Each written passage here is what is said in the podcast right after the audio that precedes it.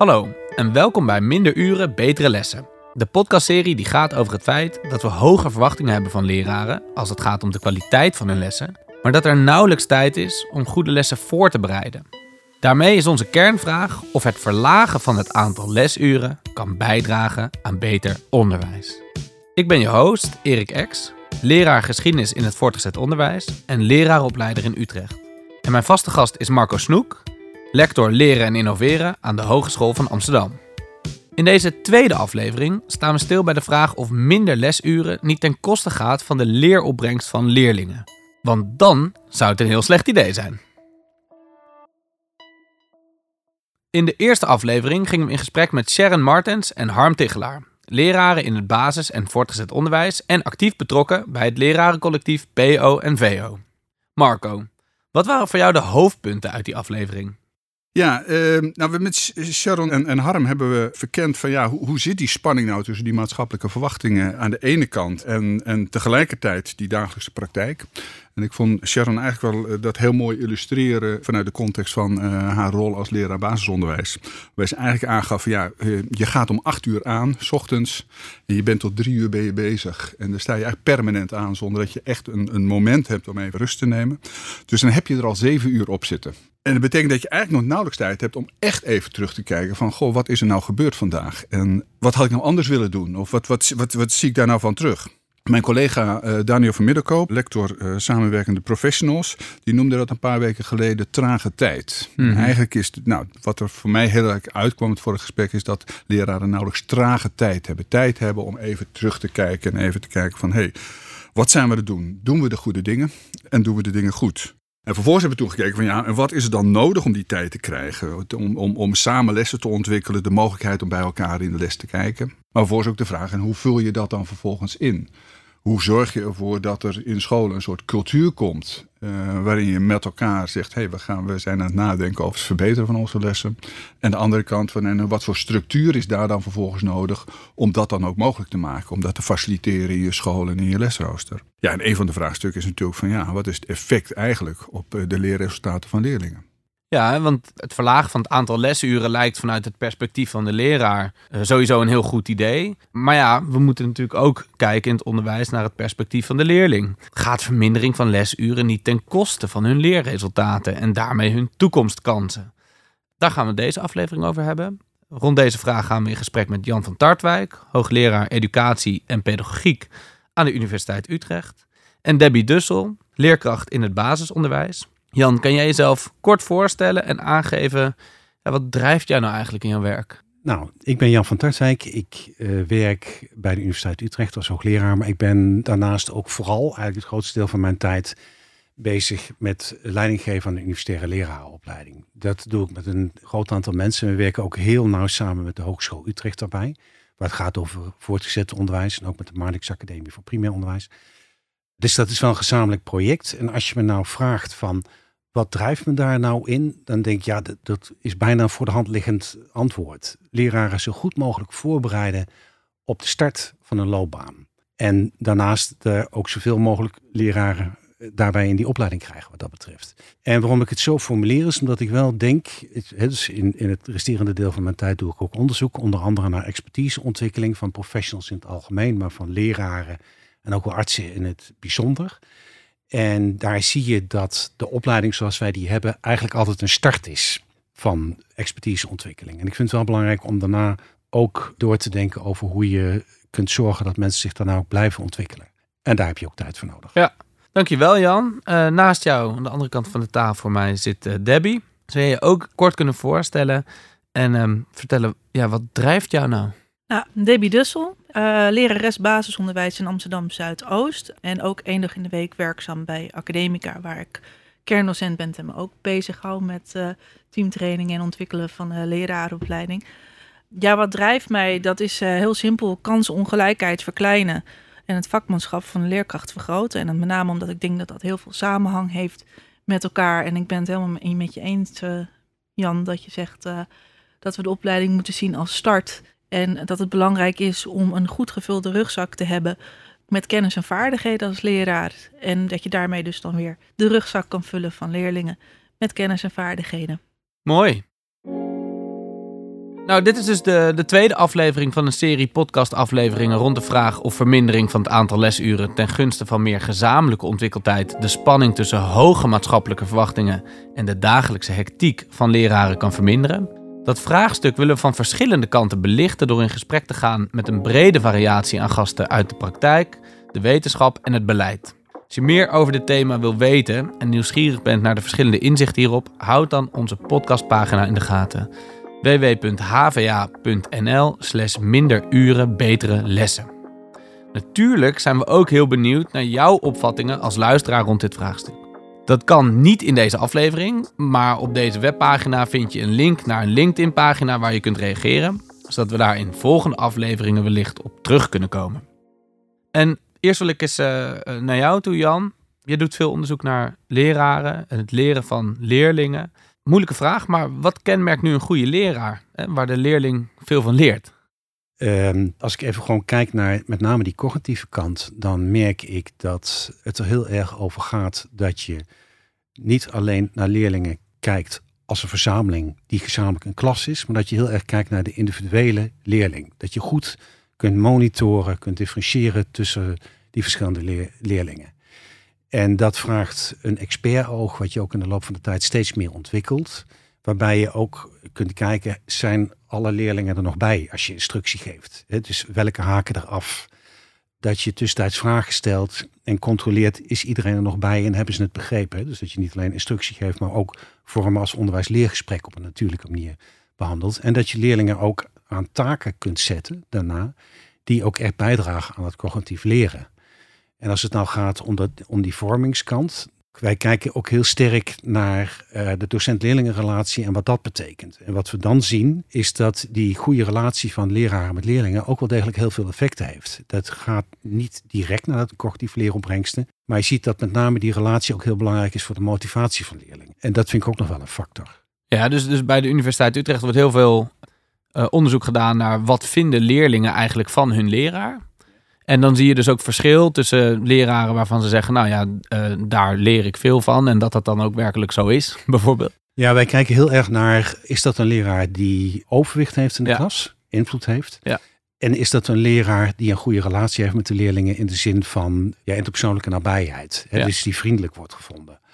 En dat wil niet zeggen dat het altijd uh, nodig is om alleen vriendelijk gevonden te worden. Je moet ook wel degelijk kunnen corrigeren natuurlijk. Maar het gaat erom dat die relatie overwegend leidt tot een, een goede sfeer in de klas. En die is heel belangrijk voor de motivatie van leerlingen en daarmee ook voor hoe geconcentreerd ze werken. Debbie, herken jij de punten die Jan noemt? Ja, deels. Ik zit, het, uh, ik zit er even over na te denken. En ik zeg ook altijd van ik was geen talent in het onderwijs. Ik heb echt alles moeten leren. Um, ik heb heel veel vlieguren moeten maken. En een van de dingen was, is dat uh, juist het stukje overwicht, daar maakte ik me altijd veel zorgen over. En natuurlijk is de eerste opmerking bij mij altijd van, ja, maar je bent, uh, je bent veel te lief. Mm -hmm. En eigenlijk juist door heel veel tools te gebruiken en uh, dus heel veel ook gewoon te leren over een stukje klassenmanagement, structuur aanbrengen, en tegelijkertijd toch dicht bij mezelf als mens te blijven, merk ik dat ik de moeilijkste klas aan kan. Dan heb ik het echt over klassen waar in beginsel dan stoelen door de klas heen vliegen, zeg maar. Je hebt het dus echt moeten leren. Het kwam niet aanwaaien. Klopt dat? Ja, dat klopt zeker. Uh, in het begin, uh, je kent het wel. Jij hebt van die, collega, van die, van die medestudenten die op de eerste dag al een klas binnenlopen en dat alles gaat vanzelf. Ja. Nou, bij mij was dat echt niet zo. Ja. En ik heb nog steeds wel eens dat ik uh, op mijn snuffert ga. Ja. Dus wat voor mij dan heel erg werkt, is dus dan veel lezen, veel oefenen, veel met mijn collega's en uh, veel vlieguren maken. Um, denk je dat die tijd er over het algemeen is? Hoe zie jij dat, uh, Jan? Ik merk dat, dat die tijd om te leren wel heel erg onder druk staat. Ja. Ook bij ons in de lerarenopleidingen. We merken dat hoe langer hoe meer leraren, uh, dat heet dan groenpluk, de opleiding al combineren met een baan. Daar is best iets voor te zeggen hoor, want het geeft je wel een heleboel vlieguren. Maar tegelijkertijd moet je ook wel zorgen dat er wel voldoende tijd blijft om na te denken over die ontwikkeling. Dus wat Debbie zegt vind ik wel heel mooi. Dus ook om terug te kijken naar je, naar je eigen lessen. Dus een keertje te kijken van hoe anderen dat doen. Dus bij mensen rond te gaan kijken. Video's van je eigen lessen terug te kijken. Dus te lezen wat de boekjes erover zeggen. Ja, dus dat zijn allemaal dingen die bijdragen aan die ontwikkeling. Dat kost tijd. Dus nou, wat je ziet is dat Als ik specifiek kijk naar die docent-leerlingenrelatie, dat zit zo, zit, daar heb je toch wel echt een aantal jaar voor nodig om daar gemiddeld in een optimum te komen. Wat Debbie zegt, herken ik ook, zijn een aantal mensen die dat redelijk snel eh, kunnen. Maar ook daarvan zie je dat die vaak al eerder leiding hebben gegeven aan een groep. En dat is echt iets wat je, wat je moet leren. Tegelijkertijd moet je ook leren het didactisch repertoire wat je nodig hebt. Dat moet je ook ontwikkelen. Dat gaat ook niet in één keer. Hè? Dus dat je die klas niet meer ziet als een geheel waar je tegen praat. Maar dat je je veel meer ook de verschillen tussen leerlingen eruit haalt. En dat je daar ook in kunt, kunt spelen. Dat kost allemaal tijd. Door het lerarentekort staat die tijd onder druk.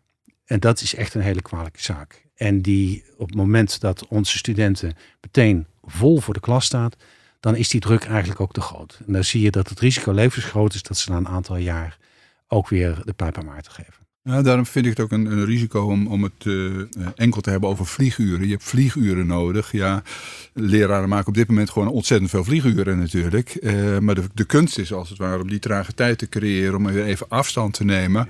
En, en inderdaad de tijd nemen, wat jij aangeeft Debbie, van te lezen, te oefenen, met collega's daarmee in, in, gesprek te gaan en dergelijke. En als dat ontbreekt, ja, dan weet ik niet wat vlieguren oplevert. Ja, en, en Marco, om daar nog even op aan te haken. Er is redelijk wat veel populair wetenschappelijke publicaties die zeggen 10.000 uur is nodig om een expert te worden. Nou, dat is geleend van een meneer Erickson, die daar enorm van heeft moeten slikken, omdat hij zegt, ja, die 10.000 uur is niet genoeg. Als je 10.000 uur iets doet, dan kun je dat best wel op een redelijk gemiddeld niveau. Dan wil je echt op expertniveau uitkomen. Dan moet je juist heel gericht focussen op die dingen waar verbetering nodig is. En dat is wel echt heel belangrijk. Je moet dat dus identificeren, met anderen bespreken. Hoe kan het beter? En daar ook gericht aan werken en dat op een nieuwe manier uitproberen. Oké, maar, maar nu klinkt het eigenlijk simpel. Hè? Verminder het aantal lesuren, hebben leraren meer tijd. Gaan ze gewoon hun eh, lessen bekijken op video en dan wordt alles beter. ja, is het zo simpel? Want we hebben juist de afgelopen tijd, afgelopen jaren ingezet op de vraag ja, hoe meer leertijd voor leerlingen konden realiseren. Eh, was dat dan een slecht idee? Hoe, hoe moeten we dat zien? Ja, dat is wel een interessant onderscheid wat je moet maken tussen lestijd, effectieve lestijd en tijd die leerlingen aan het leren zijn. En je kunt natuurlijk ook bijvoorbeeld best zeggen dat ook effectieve leertijd bijvoorbeeld huiswerk is. Jaap Scheerens heeft een soort onderzoek gedaan waaruit bleek dat bijvoorbeeld als je leerlingen echt aan het huiswerk krijgt, dat ze dat goed maken, en dat kan op school zijn of thuis zijn, ja, dat helpt ook enorm. Ja. Dus, want daarmee verhoog je die effectieve leertijd zonder dat je nou per se naar die lestijd op zich kijkt. Dus het zijn allemaal schuifjes waar je wel aan kunt draaien. Wat zou er met jouw leerlingen gebeuren, Debbie, als, als je minder contacttijd met ze hebt? Ik wil eigenlijk eerst nog ingaan op wat hij net Mag zei. Mag helemaal. nou ja, ik heb bijvoorbeeld leerlab gedaan. Ja. En leerlab, dan ben je dus een heel gericht bezig om in tien weken tijd uh, een bepaald doel te bereiken met betrekking tot taal, spelling of rekenen. Dus het is inderdaad sowieso ook heel erg belangrijk van wat zit er in dat opzicht, uh, ja, ook in het, uh, in het curriculum. Dus om op je tweede vraag in te gaan van um, minder contacttijd. Ja, kijk, mijn leerlingen in Amsterdam Zuidoost zouden daar zeker wel last van hebben. Mm -hmm. um, maar kan ik nu met een uh, met hand op mijn hart zeggen dat mijn les, mijn dag bestaat uit effectieve lestijd, heel Ja. veel. Dan ben ik het antwoord schuldig. Ik denk dat ik ook wel wat dingen erbij heb gekregen in mijn curriculum waarvan ik denk, nou ja, goed, dan zouden die misschien even moeten afvallen. En dan zou het weer wel uh, kunnen. Dus het zijn twee factoren dat ik denk van, het gaat dus ook over de inhoud van de lessen. En de andere factor is ook uh, van hoe effectief ben jij in dit opzicht dan als leraar. Dus ben jij in staat ook om goede effectieve lessen te geven. En ik denk dat de kernvraag hierin ook altijd is waar je uh, over na moet denken, is welke keuzes maken we. Ja. Ja. Ja, dat vind ik ook wel een heel belangrijk element hoor. Want we hebben het nu heel erg over effectiviteit van leraar. Maar het gaat natuurlijk ook om wat er dan precies in die tijd die leraar effectief maakt, wat Ja. er gedaan wordt. En ja, dat is natuurlijk ook een belangrijke factor. Wat vind je nou eigenlijk belangrijk dat kinderen leren? Welke keuzes maak je, zoals Debbie dat aangeeft? Ja, dus je, je kunt ook best zeggen van, kun je niet een aantal dingen of minder dingen goed doen dan heel breed uitwaaieren? Ja. dus wat, wat je nu ziet is dat bijvoorbeeld methoden in Nederland, die heel erg het onderwijs bepalen, zijn, als ik het positief formulier, heel rijk, maar ook heel breed. Tierenlantijntjes. Ja, dus als je, eh, tierenlantijntjes is een ander woord. Je kunt natuurlijk ook zeggen van als je al die tierenlantijntjes gaat doen, dan concentreer je je minder op de dingen die er echt toe doen of die belangrijk zijn en welke keuzes je daarin maakt. En je kunt misschien beter zeggen van nou, we gaan veel gerichter kijken naar dat wat het doet, wat leerlingen nodig hebben. En daar concentreer je op. Zou dat de focus moeten zijn als je over vooral dit soort dingen nadenkt? Bijvoorbeeld, hoe kan ik de helft van mijn methode weggooien en dan vervolgens toch nog uh, dat de leerresultaten worden bereikt? Ja, dat is het duivelse dilemma. Hè? Het zou je wel tot denken moeten zetten en na moeten laten denken over van hoe richten we dan ons onderwijs in en kan je niet gewoon veel effectiever onderwijs geven waardoor er ook uh, juist meer ruimte ontstaat in je curriculum. Ik zou even terug willen gaan. En eigenlijk die vraag van wat weten we eigenlijk over de relatie tussen lestijd en leeropbrengsten. We hebben afgelopen week hebben we die vraag namelijk voorgelegd aan een groot aantal leraren via TeacherTap. TeacherTap is een initiatief van de expeditie uh, Lerarenagenda. Gratis app waarbij er dagelijks een peiling gedaan wordt van een grote groep leraren rond een specifiek thema. En er ontstaat een beeld van ja, hoe leraren over een bepaald thema denken of hoe ze dat in het dagelijks werk doen. En tegelijkertijd krijg je als leraar rond dat thema dan ook ja, zicht van hoe doen mijn collega's dat eigenlijk. En je krijgt vervolgens ook tips om verder te lezen. TeacherTap zal komende maanden telkens voorafgaand aan een podcastaflevering een vraag rond het thema van de podcastaflevering uh, voorleggen. Dus nou, als luisteraars mee willen doen, dat kan door, door de TeacherTap uh, app te downloaden op je telefoon. Je kan het vinden op nl.teachertap.com. Nou, we hebben de vraag gesteld van als mijn leerlingen 10% minder lestijd zouden hebben, welke invloed zou dat hebben op de leerresultaten van mijn leerlingen? En daar is een onderscheid gemaakt tussen leerresultaten van sterke presterende leerlingen en zwakke presterende leerlingen. En opvallend vond ik, en zo'n zo'n duizend respondenten hebben, uh, hebben ingevuld, is dat 10 tot 15 procent van die respondenten slechts aangeeft dat het behoorlijk tot veel impact heeft op hun sterke leerlingen. Als het gaat over zwakkere leerlingen, dan zeggen 60% van de leraren uh, dat het behoorlijk tot veel impact heeft op hun leerlingen. Dus dat, nou dus dat geeft wel iets aan dat leerlingen, leraren in ieder geval heel sterk het gevoel hebben van... nou, de tijd die ik investeer in leerlingen, die doet het toe. Uh, zeker voor die zwakkere leerlingen. Dus ik ben ook wel benieuwd van, Jan, of jij weet wat, wat er uit, ook, uit internationaal onderzoek bekend is... over die relatie tussen onderwijstijd en, en leerresultaten. Eigenlijk is dat het resultaat van een som onderwijstijd en wat je doet in die onderwijstijd. En de factor wat je doet in die onderwijstijd, dus doe je daar de goede dingen, die is belangrijker dan de onderwijstijd zelf. Maar daar zit wel, wel een soort optimum in die formule natuurlijk. En wat je ziet is dat als leraar erin slagen om zeg maar, de lestijd zo effectief mogelijk te maken. En leerlingen dan ook de goede dingen te laten doen, dan kom je een heel eind. Dat is bijvoorbeeld een, een land als Finland zit meer op die koers. Als je kijkt naar bijvoorbeeld Zuid-Korea, daar gaat die lestijd echt tot in het idiote. Dus leerlingen zitten overdag op school, gaan s'avonds naar een huiswerkinstituut. En ze vallen overdag vaak in slaap. Nou, daar kom je ook een heel eind. Dus je hebt eigenlijk de, de factor lestijd in die, in die vergelijking idioot verhoogd. En dan levert het ook niet zo heel veel meer op. Maar door, hè, dus, uh, mensen zijn dan ook wel geconcentreerd aan het werk, kom je wel een heel eind. Maar het is niet zo, hè, dus als je kijkt naar cognitief leeropbrengsten, komt Finland wel een beetje in dezelfde range uit als Zuid-Korea. Alleen ze bereiken dat wel op een heel andere manier.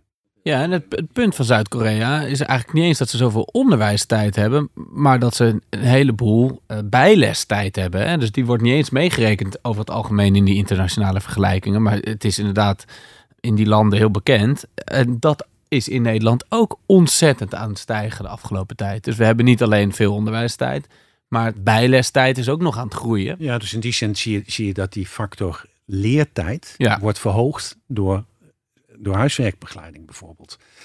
En hè, Debbie, als je kijkt naar kansengelijkheid, is dat, dat wel een probleem. Omdat dat natuurlijk een private investering is dan van, van ouders. Nou ja, daarom hebben wij in, gelukkig vind ik dat, ik, ik, zit, ik geef les in een stad als Amsterdam, waarin, uh, waarin gelukkig uh, de gemeente heel veel investeert en het dus mogelijk maakt, uh, juist voor mijn doelgroep, want het leerlab is na, was na schooltijd, was twee keer in de week was dat. En het was dan na schooltijd een uur lang een uur tot anderhalf uur lang extra les. Ja, dus extra leertijd. Ja, extra leertijd. En ik, ik maakte inderdaad, wat jij net zegt, maakte ik ook op die manier ook het onderscheid tussen uh, zeg maar kwaliteit en, en, en kwantiteit. Uh, want er bestaat inderdaad wel echt ook onderzoek naar die verlengde leertijd. En die verlengde leertijd, um, die kan effectief zijn, maar die kan dus ook totaal niet effectief zijn. En dan komen we weer terug bij het duivelse dilemma. Op het moment dat we leraren in staat stellen om eh, zelf soep te maken van al die ingrediënten en eh, dus misschien effectiever met de lestijd om te gaan. Ja, ehm, Hoe zou dat voor jou zijn als je zegt van goh, ik, die, die vraag nou zou stellen, hè, je zou 10%, 10 minder lestijd hebben met leerlingen, maar die tijd kan je dus gebruiken om samen met collega's stil te staan, trage tijd te organiseren om na te denken over jouw onderwijs. Wat zou dan het effect zijn op het leerresultaat van je leerlingen? Ja, ik heb daarover nagedacht, want je hebt het dan over eh, één dag van de tien lesdagen, zeg maar. Dat vind ik echt dus oprecht een hele lastige vraag, omdat ehm, ik vind dat het ons nu wel lukt, zeg maar. Ehm, maar ja, lukt dat voor elke school zo? Wat je al zegt, van ja, niet iedereen heeft nu al die kennis en die vaardigheden. Ehm, zou het dan een goede opstap kunnen zijn? Ja, dat zou wel, dat zou wel kunnen. Ehm, maar dan moeten we wel effectief gebruik maken van inderdaad het onderzoek, de expertise die er is en iedereen daarin in, in mee kunnen nemen. En als je aan alle voorwaarden zal voldoen, dus op het moment dat eh, we zorgen dat het kwalitatieve professionalisering is, dat we dan met elkaar hebben over eh, inderdaad echt goed de lessen met elkaar voorbereiden en dat je het gebruikt als opstap. Ja, dan denk ik wel dat het kan. Maar Debbie, ik, ik, vind het hoor, wel ik hoor je heel voorzichtig zijn. Ja, ja, en je vindt het heel spannend inderdaad. Komt dat omdat je denkt, die cultuur is op dit moment niet aanwezig in het basisonderwijs? Nou, nee, het heeft er meer mee te maken dat ik die 25 uur met mijn leerlingen op dit moment nodig heb. Ja. En dat ik eh, zo eh, rijk mogelijk, eh, en dan bedoel ik dus op de positieve manier, rijk onderwijs probeer te geven. Ik, ik gaf daar voorbeeld van. Ik gebruik dat voorbeeld al vaak. Ik had vorig jaar die groep 4. En ik las in groep 4 met mijn doelgroep het Grote Rijksmuseumboek. Nou, iedereen die les geeft weet dat als ik zeg dat ik dat deed met groep 4, dat is ver boven kinderen hun AVI-niveau. Maar als ik je nou vertel dat aan het einde van dat boek kon iedereen kon vertellen over zijn favoriete schilder, kon vertellen wat camera obscura was. En eh, dan ben je met heel mooi rijk onderwijs bezig, wat eh, de kennis vergroot, wat effectief is. Eh, ik pakte daar de, van, van bijvoorbeeld de nieuwsbegrip, pakte ik daar dan ook teksten en opdrachten bij. Dus ik was op dat moment heel erg aan het combineren, waardoor mijn onderwijs heel rijk, heel mooi, heel effectief werd. Afgesloten met eh, een mooi uitje naar, eh, naar het Rijksmuseum, wat Ja. dan ook dan ineens effectief is.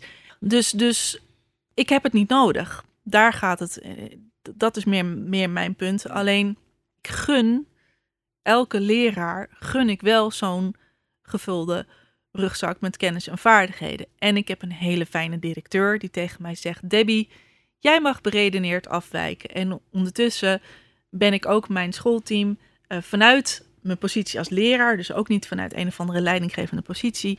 Eh, ja, ben ik onderdeel van onze schoolontwikkeling en zijn wij wel met elkaar als school, ondanks het lerarentekort, eh, proberen wij toch die kantelslag te maken naar een goede professionele cultuur waarin iedereen uiteindelijk een goed gevulde rugzak heeft en in staat is om ja, rijk mooi onderwijs te geven. Toch even, want ik hoor jullie allebei eigenlijk zeggen van ja, het gaat dus eigenlijk over het, het organiseren van effectieve leertijd. En tegelijkertijd geven jullie ook allebei aan van ja, na die opleiding dan ben je nog maar een starter en dan moet je nog verder ontwikkelen. Dus dat roept eigenlijk de vraag op van ja, als iemand van de leraaropleiding afkomt, dan heeft hij dat nog niet zonder meer, die, die kennis, die expertise om te weten, oké, maar wat maakt nou dat de, de lestijd die ik organiseer ook direct leidt tot effectieve leertijd? Dus hoe maak ik mijn eigen lestijd ook effectiever? Dus dat roept bij mij de vraag op van ja, en hoe ontwikkel je dat dan? Eh, Debbie, volgens mij, jij bent actief ook binnen NRO. Ook om te kijken van ja, hoe kunnen we nou de kennis die er is beschikbaar maken in handreikingen voor leraren, et cetera. En dan denk ik, ja, dat is mooi dat we heel veel proberen te doen aan kennisdeling en de kennisdisseminatie en het beschikbaar maken voor leraren. Maar volgens mij gaat het pas echt werken op het moment dat je als leraar ook echt die tijd hebt om daarover na te denken. En liefst met collega's daarover in gesprek te gaan. Van ja, het feit dat je iets, iets op papier hebt en je hebt het hartstikke druk en je bent aan het nadenken over oh, wat, moet ik, wat moet ik voor morgen nog organiseren, dan heb je niet de tijd om na te denken van ja, die handreiking, wat betekent dat eigenlijk voor mijn lessen? Dus wat is er nog meer nodig dan ja, het maken van handreiking waar de wetenschappelijke kennis ja, die jij in jouw onderzoek, Jan, naar boven krijgt, eh, als het ware de school ingaat? Nou, wat, wat in ieder geval heel belangrijk is, is dat, dat die kennis is algemene kennis. En dat werkt anders in de groep waar Debbie les aan geeft dan in andere scholen. En dus in context brengen van wat weten we daar nou over als een soort algemeen principe? Hoe pakt dat uit voor mijn leerlingen en hoe pas ik dat zo goed mogelijk toe? Dat vraagt ook wel experimenteerruimte. Je moet dat gewoon ook echt goed uitzoeken.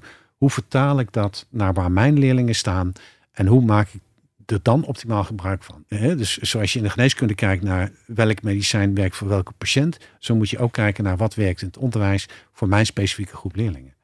Dat vind ik wel een heel belangrijke kanttekening. dan ben ik toch nieuwsgierig naar jou, Debbie. Van, uh, je schetst hoe je dat doet en uh, wat je allemaal tot stand brengt met, met je leerlingen. Vanuit die gedrevenheid op kansen, kansengelijkheid. En het klinkt voor mij soms ook zo makkelijk. Uh, zo, je doet het gewoon. Terwijl ik denk van ja, maar hoe doe je dat nou?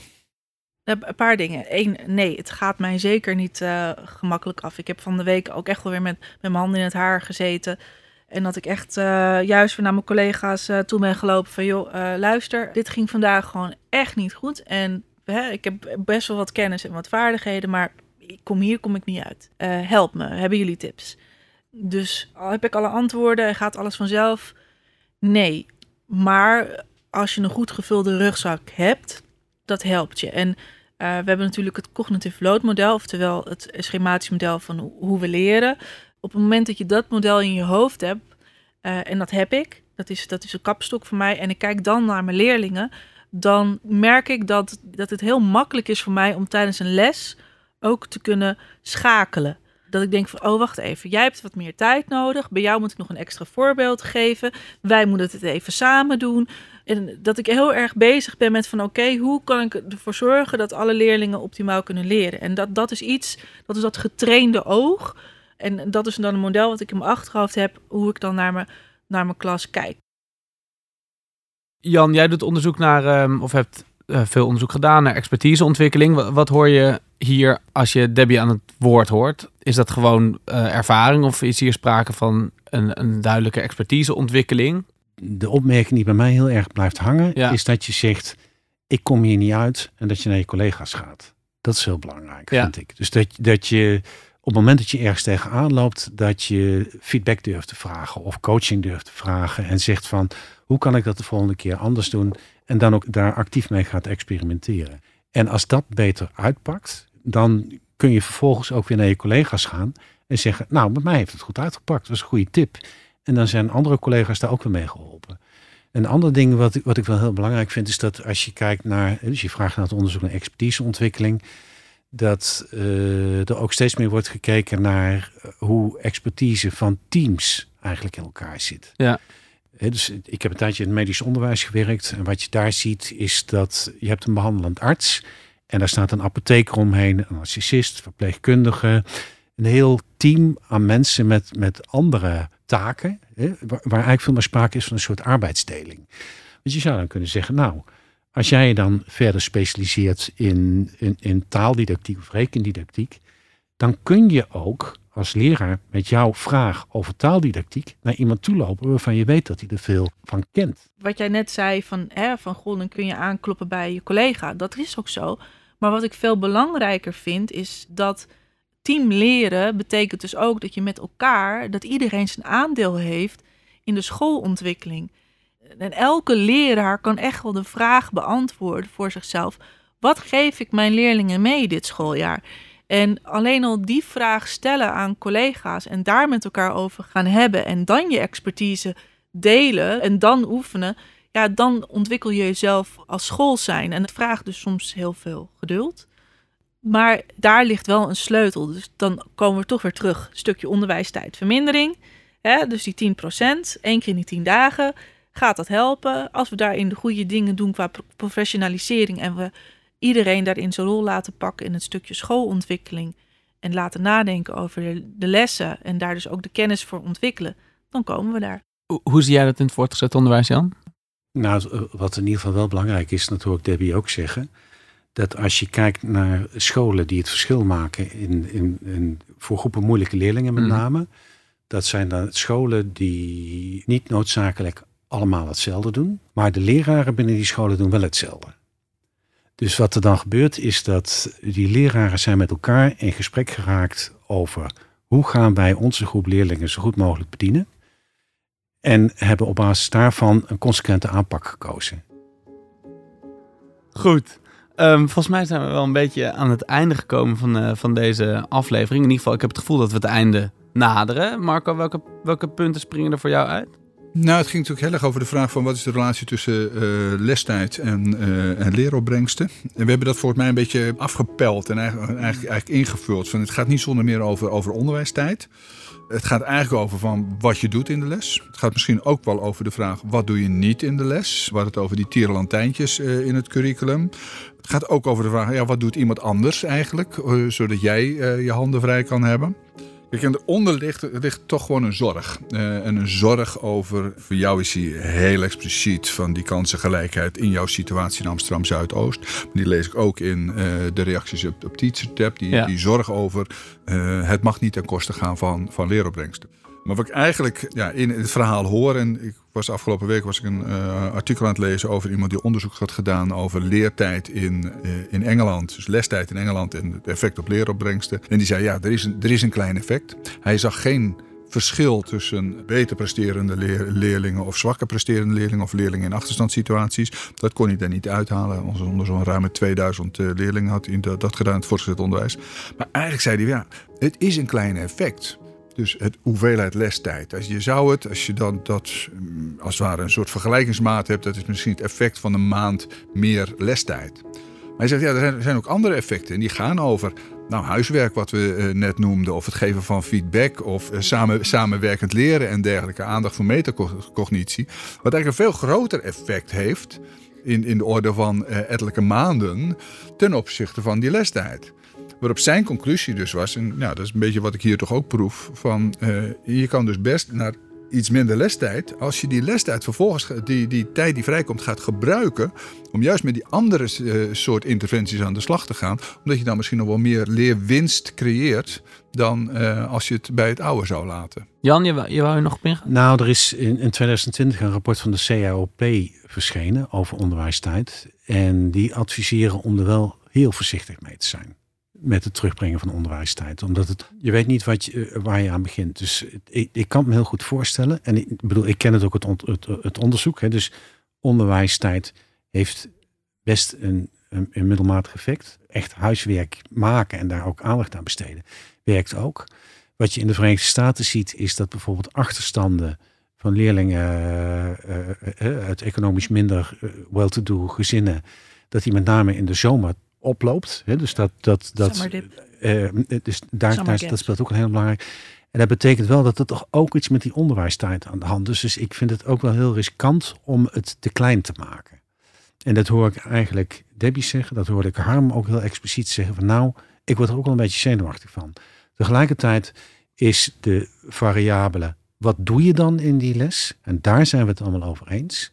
Dat is wel de meest centrale factor in het geheel. Doe ja, de goede dingen. Zo ervaar ik het namelijk zelf ook. Omdat ik nu vind dat ik mijn onderwijstijd nog niet optimaal gebruik, om maar zo te zeggen, vind ik niet dat ik per definitie kan zeggen dat meer, minder onderwijstijd geen probleem zou zijn, of andersom.